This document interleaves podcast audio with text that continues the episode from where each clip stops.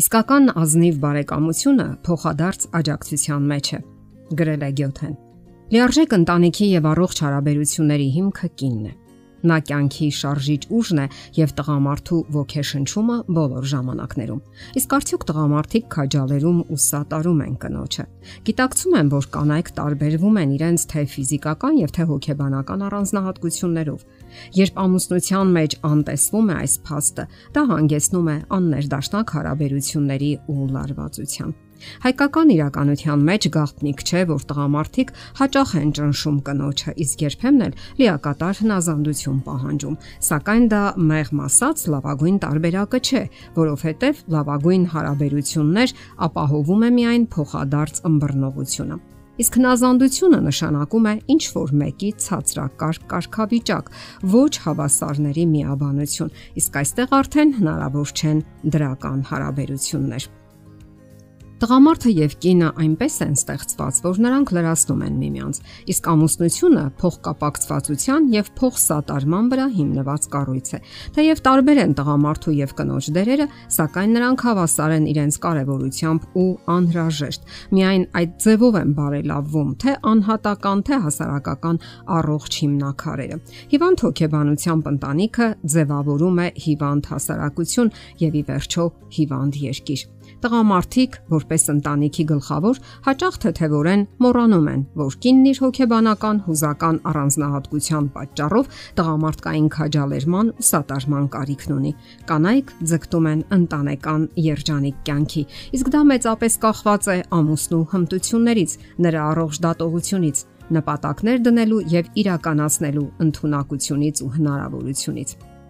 Մեծ հմտություններ պետք չէ ունենալ հասկանալու, թե ինչ են երազում կանայք։ Նրանք ձգտում են ունենալ այնպիսի տուն, որտեղ հստակ կարգ ու կանոն է թակավորում, տղամարդկային ամուր ձեռք նվիրված ու երջանիկ ամուսին եւ ժպտացող ու դաստիարակված երեխաներ։ Նրանց համար կարևոր է տան հարմարավետությունը, լավ առողջությունը, ինչպես նաեւ ինքնադրսևորման հնարավորությունն ու ազատությունը։ Մեր իրականության մեջ շատ կանայք այդպես էլ չեն կարողանում դրսևորել իրենց մտավոր հոգեբանական հմտությունների ողջ ներուժն ու ներկապնակը։ Իսկ դրա համար անհրաժեշտ է ամուսնու երանդուն քաջալերանքը, շահագրգռվածությունը, ըմբռնողությունը, իմաստությունը եւ ինչու՞ չէ նաեւ առաջնորդությունը։ Կինը նույնպես պետք է դրսևորի իրեն, իր լավագույն որակները, թե տանը, թե աշխատանքի մեջ։ Իսկ երբ դրանք ճնշվում են, նա սկսում է պատասխանել նույն դրամով, իրեն ամայացած ու միայնակ է զգում։ Ընտանեկան երանդուն կենսագործունեության համար անհրաժեշտ է հաշվի առնել կնոջ ցանկությունները,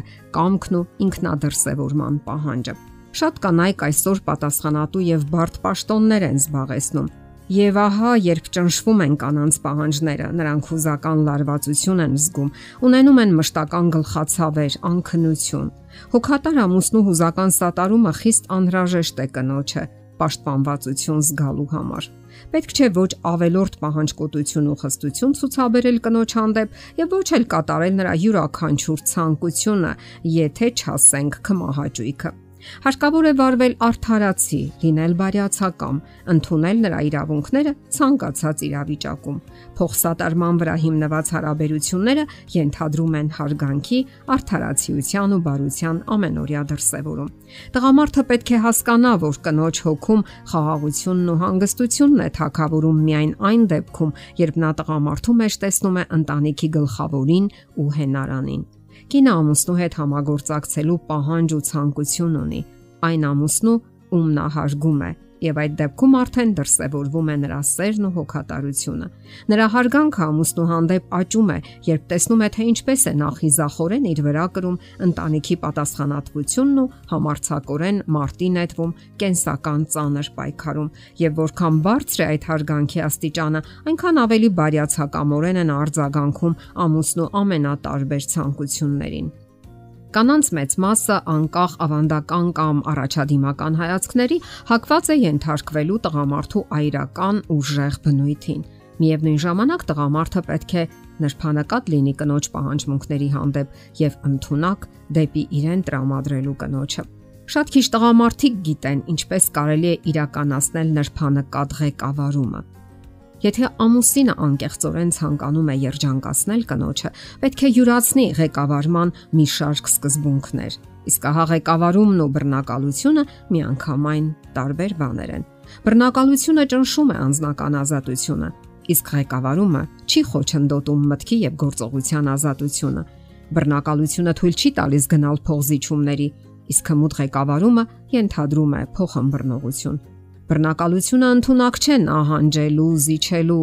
իսկ ղեկավարումը նաև հարմարվելու, զիջելու, ընդունելու ընդունակությունն է։ Բռնակալությունը ճնշում է ցանկացած նախաձեռնություն դիմացինի կողմից, իսկ ղեկավարումը խրախուսում է, ոգեշնչում, օգնում է գնալու դեպի ընդհանուր նպատակը։ Քաջալերել կնոջը Սա է ներդաշնակ հարաբերությունների հիմքում՝ ունենալ ընդհանուր նպատակներ եւ ձգտել համատեղ իրականացման։ Տղամարդու քաջալերանքից զրկված կինը երբեք չի կարող լավագույն ձևով դրսևորել իր ողջ հնարավորությունները։ Չի լինի համընթաց շարժում։ Կողմերից յուրաքանչյուրը միայն դեպի իրեն կձգի ընտանեկան սայլը եւ այն կամ ընդհանրապես չի շարժվի առաջ կամ կկանգնի կես ճանապարհին։ Սատարեք ու քաջալերեք կնոջը Փնտրեք նրա մեջ ոչ միայն մխիթարություն, այլև զորություն, ոգեշնչում, ձեր բարոյական ու հոգեկան ընտունակությունների սատարում։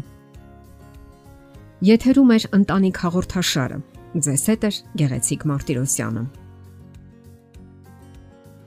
Հարցերի եւ առաջարկությունների համար զանգահարել 033 87 87 87 հեռախոսահամարով։